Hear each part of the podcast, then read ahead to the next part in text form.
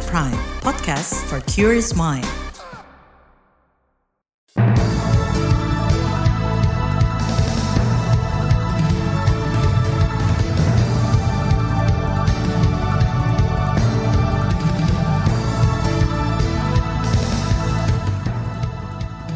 Selamat pagi, saudara. Berjumpa kembali dalam Buletin Pagi edisi Rabu 24 Januari 2024. Saya Naomi Ligantra. Sejumlah informasi pilihan telah kami siapkan, di antaranya Pajak hiburan tetap ditolak meski pemerintah tawarkan insentif. Pemerintah dinilai terus cari alasan pembenaran impor beras. Ratusan nelayan berhenti melaut akibat gelombang tinggi. Inilah Buletin Pagi selengkapnya. Terbaru di Buletin Pagi.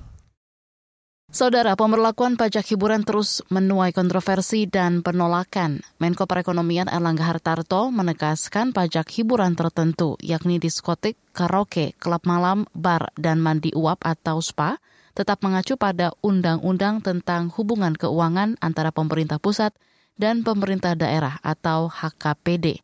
Besarannya yaitu 40 persen hingga 75 persen. Menanggapi derasnya aksi penolakan dari kalangan pengusaha hiburan, Erlangga menyebut pemerintah kini tengah mengkaji pemberian insentif pajak penghasilan PPH untuk sektor pariwisata termasuk di dalamnya sektor hiburan.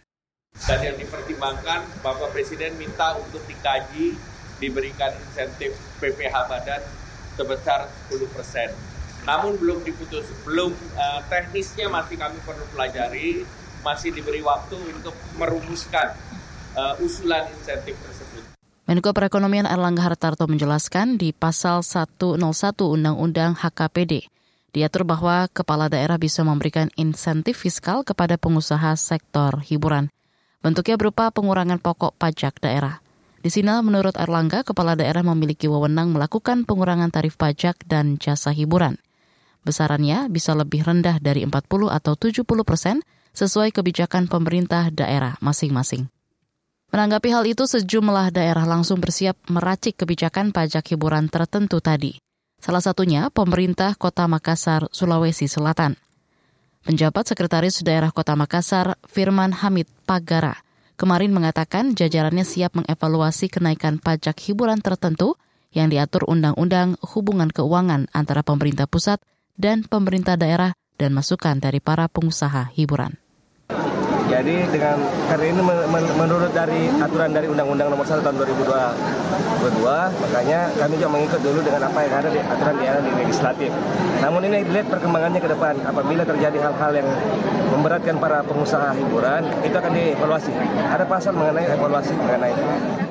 Itu tadi pejabat Sekretaris Daerah Kota Makassar, Firman Hamid Pagara. Sementara itu kalangan pengusaha pariwisata termasuk sektor hiburan tetap ngotot meminta pemerintah membatalkan aturan pengenaan pajak yang tinggi.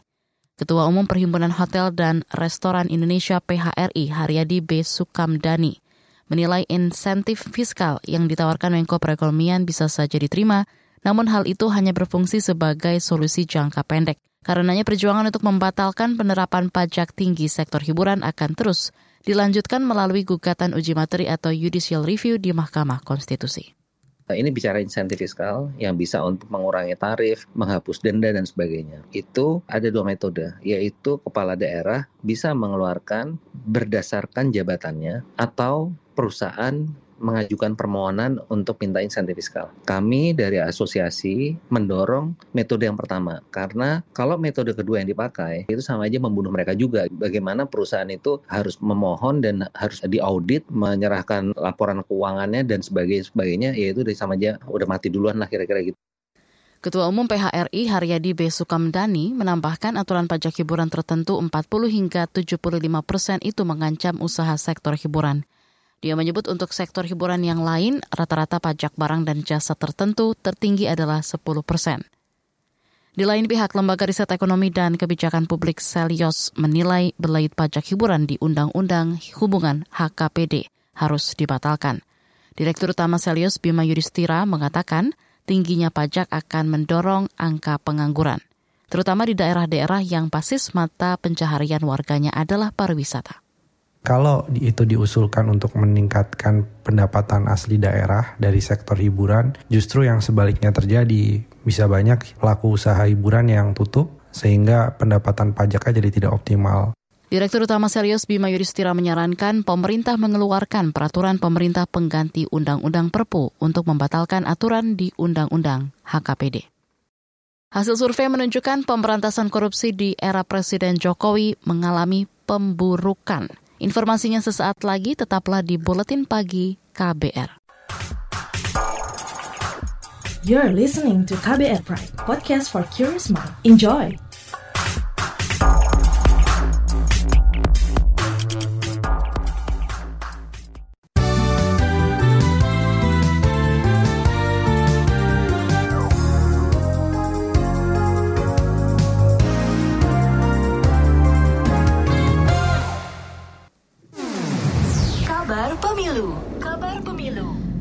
Saudara, Kementerian Pemberdayaan Perempuan dan Perlindungan Anak Kemen PPPA berkomitmen mendorong peningkatan keterwakilan perempuan pada pemilu 2024.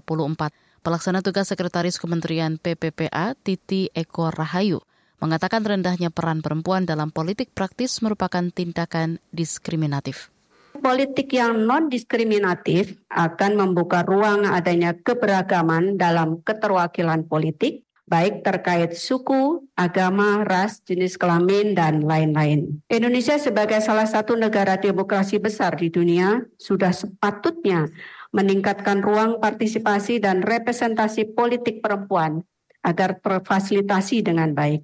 Pelaksana tugas Sekretaris Kementerian PPPA Titi Eko Rahayu berharap peran perempuan di parlemen bukan sekedar untuk memenuhi keterwakilan gender. Dia menyinggung keterwakilan perempuan di parlemen pada pemilu 2019 hanya 120 anggota dari total 575 anggota DPR atau 20 persen. Beralih ke topik lain, Saudara, Lembaga Survei Indikator Politik Indonesia IP mengungkapkan pemberantasan korupsi di era Presiden Joko Widodo mengalami tren pemburukan.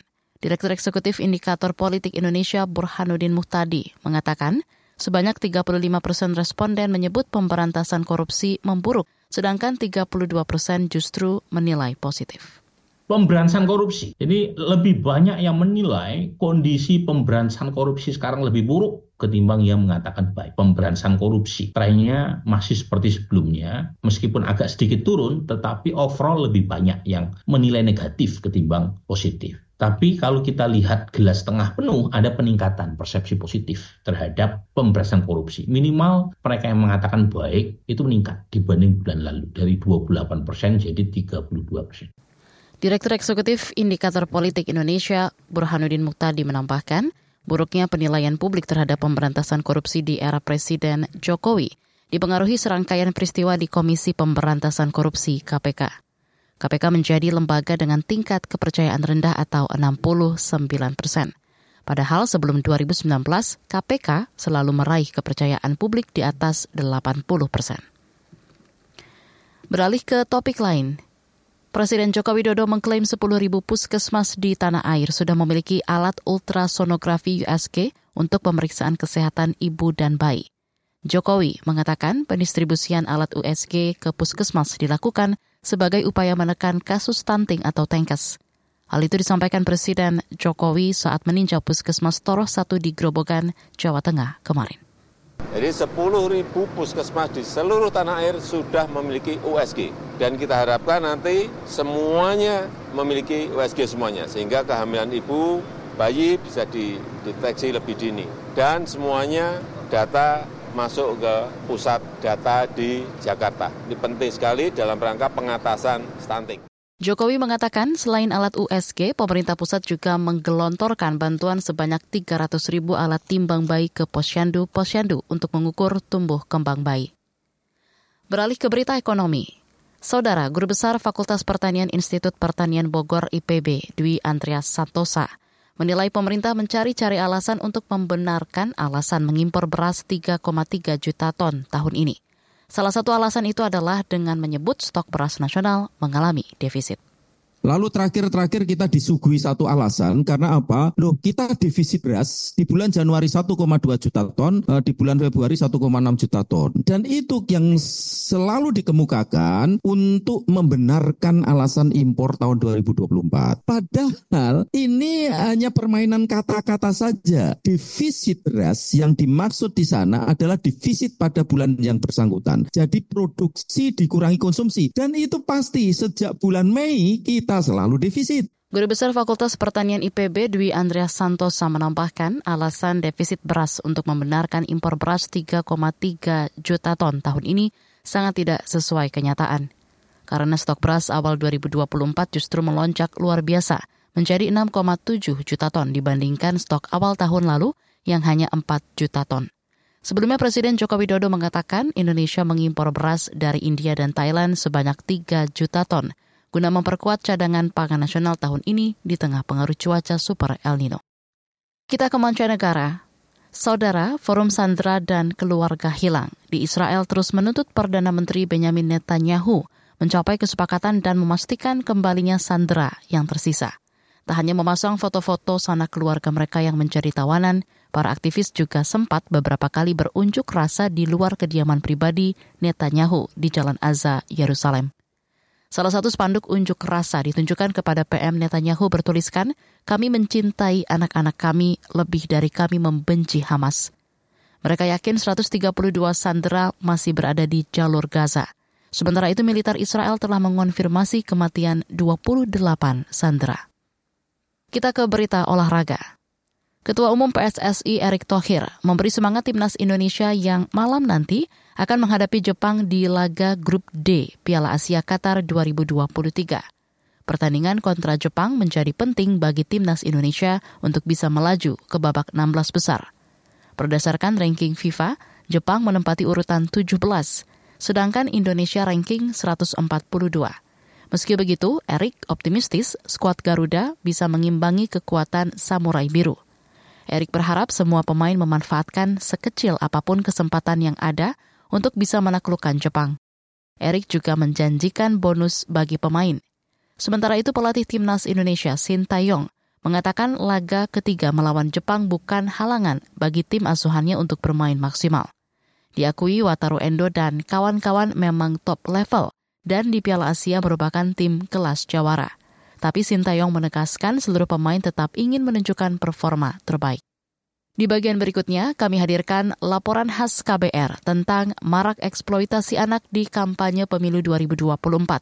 Tetaplah di Buletin Pagi KBR. You're listening to KBR Pride, podcast for curious mind. Enjoy!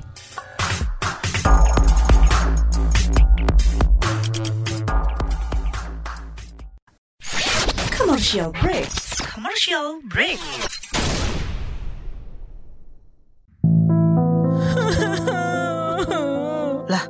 Ini anak kenapa? Gue diputusin Rehan. Aduh, yang sabar ya, Andi. Saran gue, biar nggak terlalu kecewa, kalau jatuh cinta, jangan terlalu mendalam deh. Biar saga aja yang mendalam. Ih, apaan sih lo? Kok jadi bawa-bawa saga? Siapa sih saga? Kepo, makanya kenalan. Saga, cerita tentang nama, peristiwa, dan fakta. Saya siap untuk membuat perubahan. Pasti ujungnya mati. Anggap yang lain. Saga menghadirkan kisah-kisah inspiratif, cerita tentang nama, peristiwa, dan fakta.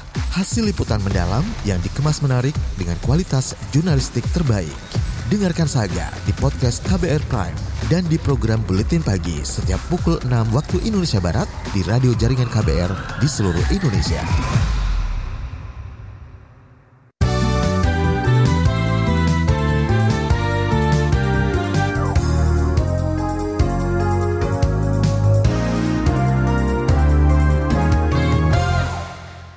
Anda masih bersama kami di Buletin Pagi KBR. Saudara, sekarang saatnya kita simak laporan khas KBR. Masa kampanye pemilu 2024 diduga diwarnai eksploitasi anak. Berdasarkan laporan yang masuk, ditemukan anak menjadi target utama untuk meraup suara. Bagaimana komitmen perlindungan hak anak di pemilu? Simak laporan khas KBR disusun jurnalis Syafira Aurelia. Saudara Komisi Perlindungan Anak Indonesia KPAI menemukan sejumlah bentuk eksploitasi terhadap anak di bawah umur pada masa kampanye pemilu 2024. Anggota KPAI Silvana Maria mengatakan ada 15 bentuk eksploitasi anak di masa kampanye dengan rentan usia anak 5 hingga 15 tahun. Menurutnya anak-anak kerap dijadikan target kampanye agar peserta pemilu bisa menarik suara orang tuanya. Salah satu tindakan yang paling fatal adalah adanya anak yang dibayar untuk menjadi juru kampanye pasangan calon tertentu. Tapi yang jelas yang paling banyak itu tadi ya, anak dibawa ke dalam uh, event-event kampanye. Yang kedua juga yang banyak diadukan pada masa uh, selama kampanye pemilu 24 ini adalah oh, anak-anak yang digunakan untuk menjadi uh, juru bicara atau calon-calon uh, tertentu. Itu pengaduannya ada hampir 10 ya. Terus dan um, ini dilakukan baik oleh calon calon anggota legislatif maupun oleh um, kelompok uh, tim uh, capres dan cawapres. Silvana mengatakan saat ini terdapat tiga kasus yang sedang diselidiki oleh KPAI, di mana ada anak-anak yang mengkampanyekan paslon dengan kombinasi eksploitasi yang berbeda-beda, mulai dari anak diajak memilih pasangan capres-cawapres tertentu, pelibatan anak secara paksa memasang atribut partai, hingga pelibatan anak sebagai pengisi acara di kegiatan partai politik. Kementerian Pemberdayaan Perempuan dan Perlindungan Anak juga menyayangkan tindakan buruk peserta pemilu yang melibatkan anak untuk meraup kepentingannya. Asisten Deputi Perlindungan Khusus Anak dari Kekerasan di Kementerian Perlindungan Anak Ciput Eka Purwanti mengingatkan para peserta pemilu agar taat pada kesepakatan dan aturan terutama larangan pelibatan anak di bawah umur dalam urusan kepentingan politik. Ya tentu yang pertama Undang-Undang eh, Dasar 1945 sudah memastikan bahwa kita harus memenuhi hak-hak anak untuk hidup, tumbuh dan berkembang, berpartisipasi dan kemudian juga terlindungi dari berbagai bentuk kekerasan, diskriminasi dan eksploitasi. Ciput mendesak Badan Pengawas Pemilu untuk menindak tegas peserta pemilu yang terbukti melanggar ketentuan kampanye. Salah satu peserta pemilu 2024 berkomitmen untuk tidak melibatkan anak di masa kampanye. Ini disampaikan Mardani Alisera, juru bicara tim pemenangan nasional Anies Baswedan Muhaimin Iskandar. Anak-anak wajib dilindungi. Tidak boleh ada upaya politisasi kepada anak. Anak-anak kita adalah aset masa depan. Timnas Amin komitmen menjaga anak-anak. Kalau ada pelanggaran mohon dilaporkan, kita akan segera melakukan tindakan dengan tegas. Anak-anak adalah aset masa depan yang harus kita jaga. Sebelumnya Komisi Pemilihan Umum KPU sudah mengingatkan agar semua pihak tidak melibatkan anak dalam kampanye pemilu 2024. Larangan kampanye melibatkan anak diatur dalam Undang-Undang Nomor 7 Tahun 2017 tentang Pemilihan Umum. Siapa yang melanggar aturan itu dapat terkena hukuman pidana satu tahun penjara dan denda 12 juta rupiah. Sebelumnya, Badan Pengawas Pemilu Bawaslu RI berjanji bakal menegakkan aturan tegas terkait pelanggaran pelibatan anak dalam kampanye. Anggota Bawaslu RI Labayoni mengatakan pelaku pelanggaran diancam sanksi pidana dan denda. Dengan demikian Bapak Ibu sekalian, atas niat baik kita bersama, maka dihimbau kepada semua uh, peserta pemilu untuk dalam hal pelaksanaan kampanye ini jangan melibatkan anak-anak. Tetapi jika terjadi ada pelibatan anak, kita akan proses sesuai aturan dan kita akan membuktikan bahwa ini kesalahan, ini tidak kesalahan sesuai dengan uh, uh, keadaan objektif yang terjadi. Yang jelas bahwa Bawaslu dalam upaya persiapan pelaksanaan uh, kampanye Bawaslu RI juga mengeklaim terus meningkatkan pencegahan terhadap pelibatan anak dalam kegiatan pemilu 2024. Di antaranya dengan menjalin kerjasama dengan Komisi Perlindungan Anak Indonesia KPAI dan para pihak lainnya. Demikian laporan khas KBR disusun Safira Aurelia. Saya Heru Haitami. Usai laporan khas KBR, informasi dari daerah akan segera kami hadirkan. Tetaplah bersama Buletin Pagi KBR. You're listening to KBR Pride, podcast for curious mind. Enjoy!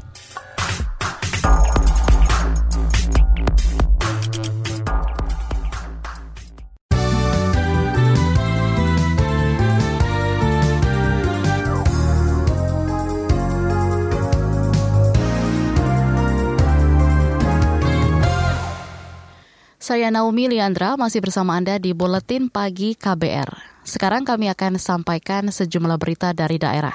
Kita ke Jawa Tengah. Saudara Kesatuan Nelayan Tradisional Indonesia KNTI Kota Semarang menyatakan sekitar 500 nelayan gagal melaut akibat cuaca buruk dan gelombang tinggi. Ketua KNTI Semarang, Slamet Ari mengatakan gelombang tinggi terjadi sejak sepekan lalu. Imbasnya ratusan nelayan memilih libur melaut dan meninggalkan kapalnya di dermaga masih masih di situ lah. Kita kan permintaan ada tanggul pemecah gelombang. Hmm. Karena kan baru dijanjikan, tapi nggak hmm. tahu juga terrealisasi atau enggak. Nah, kalau nggak ada nanti ya terjadi benturan antar kapal yang ada di dermaga. Oh. Ya, kalaupun dipaksakan untuk berlayar itu pasti 100% hasilnya sampah. ya memilih libur lah. Karena kalau dipaksakan melaut pun dapat hasil. Yang melaut itu nelayan yang yang punya apa bagan itu. Ketua KNTI Semarang Selamat Ari mengingatkan pemerintah setempat sudah lama diminta untuk membangun tanggul pemecah ombak di sekitar dermaga. Tanggul pemecah ombak penting karena bila gelombang tinggi berlangsung lama, hal itu akan semakin memperparah nasib nelayan. Kini kita ke Papua Tengah. Saudara kelompok kriminal bersenjata KKB kemarin kembali berulah dengan membakar empat rumah warga bantuan Dinas Sosial Kabupaten Intan Jaya. Menurut juri bicara Polda Papua Ignatius Adi Prabowo, tim Satgas Damai Kartens dan Polres Intan Jaya kini semakin meningkatkan patroli dan situasi keamanan berstatus rawan tapi tetap terkendali. Keamanan di Kabupaten Intan Jaya adanya rentetan peristiwa yang dimulai pada hari Jumat dengan gugurnya satu anggota BRIMOB dari Satgas atau dari Operasi Damai Katen dan kemudian disusul adanya uh, kontak senjata dan penyerangan atau pembakaran terhadap salah satu rumah ASN di distrik Borma pada tanggal 20. Hingga saat ini untuk situasi masih rawan terkendali. Itu tadi juri bicara Polda Papua Ignatius Adi Prabowo. Sebelumnya kelompok kriminal bersenjata menyerang pos Brimob yang mengakibatkan gugurnya Bribtu Anumerta Alvando Steve Karamoy dan membakar satu rumah milik ASN Pemkap Intan Jaya. Dan perkembangan terbaru, Pangdam 17 Cendrawasih Izak Pangemanan menyatakan saat ini tidak merekomendasikan penerbangan ke Bandara Bilorai, Sugapa, Kabupaten Intan Jaya, Papua Tengah. Peringatan ini untuk mengantisipasi penembakan yang dilakukan kelompok kriminal bersenjata KKB. Kembali ke ibu kota, Saudara, capaian akses air minum berkategori aman hingga kini masih sangat rendah. Dirjen Cipta Karya Kementerian PUPR Diana Kusumastuti mengungkapkan, angkanya masih di bawah 12 persen. Untuk meningkatkan capaian itu, kebijakan nasional untuk penyediaan air minum perlu meningkatkan cakupan pelayanan, pemenuhan standar kualitas air minum, kapasitas penyelenggaraan sistem penyediaan air minum SPAM, dan kemampuan pendanaan. Nah, di Indonesia ini capaian penyediaan akses air minum layak dan aman ini masih menjadi tantangan bagi kita bersama. Akses air minum layak saat ini baru mencapai 91,08 persen ya, dan akses air minum aman ini masih 11,8 persen ya masih jauh. Terlebih lagi kalau kita berbicara akses air minum layak ini hanya meningkat satu persen per tahunnya. Akses per pipa tidak resamen selama lima tahun terakhir. Dirjen Cipta Karya Diana Kusumastuti menambahkan pendekatan penyediaan air minum difokuskan untuk menyediakan air di wilayah yang kekeringan atau mendekatkan air kepada masyarakat. Sedangkan prinsip penyediaan air minum harus memenuhi standar kuantitas, yaitu 60 liter per orang per hari, kontinu 24 jam, dan tarifnya tidak lebih dari 4 persen pendapatan masyarakat. Untuk diketahui Mei nanti, Bali akan menjadi tuan rumah Forum Air Dunia ke-10. Tema forum kali ini adalah Air untuk Kemakmuran Bersama. Kita ke Kalimantan Timur. Saudara Badan Meteorologi, Klimatologi, dan Geofisika BMKG Stasiun Balikpapan sejak Senin lalu mendeteksi 15 titik panas atau hotspot. Koordinator Bidang Data dan Informasi BMKG Balikpapan, Diano Frida, menjelaskan belasan titik panas itu sudah dilaporkan ke Badan Penanggulangan Bencana Daerah BPBD, provinsi maupun kabupaten. Menurut Dian, saat ini memang sudah masuk musim hujan, tapi masih ada sejumlah kawasan yang belum terjadi hujan dalam beberapa hari terakhir. Faktor ini yang diduga menyebabkan daun dan ranting di hutan maupun lahan jadi mengering sehingga mudah terbakar. Ada pun 15 titik panas yang terdeteksi itu tersebar di Kabupaten Pasir sebanyak 3 titik dan di Kabupaten Kutai Timur ada 12 titik. Informasi tadi menutup jumpa kita di Buletin Pagi. Pantau terus informasi terbaru melalui kabar baru, situs kbr.id, Twitter atau X di akun @beritaKBR, dan juga podcast di kbrprime.id. Saya, Naomi Liandra, bersama tim yang bertugas undur diri. Salam.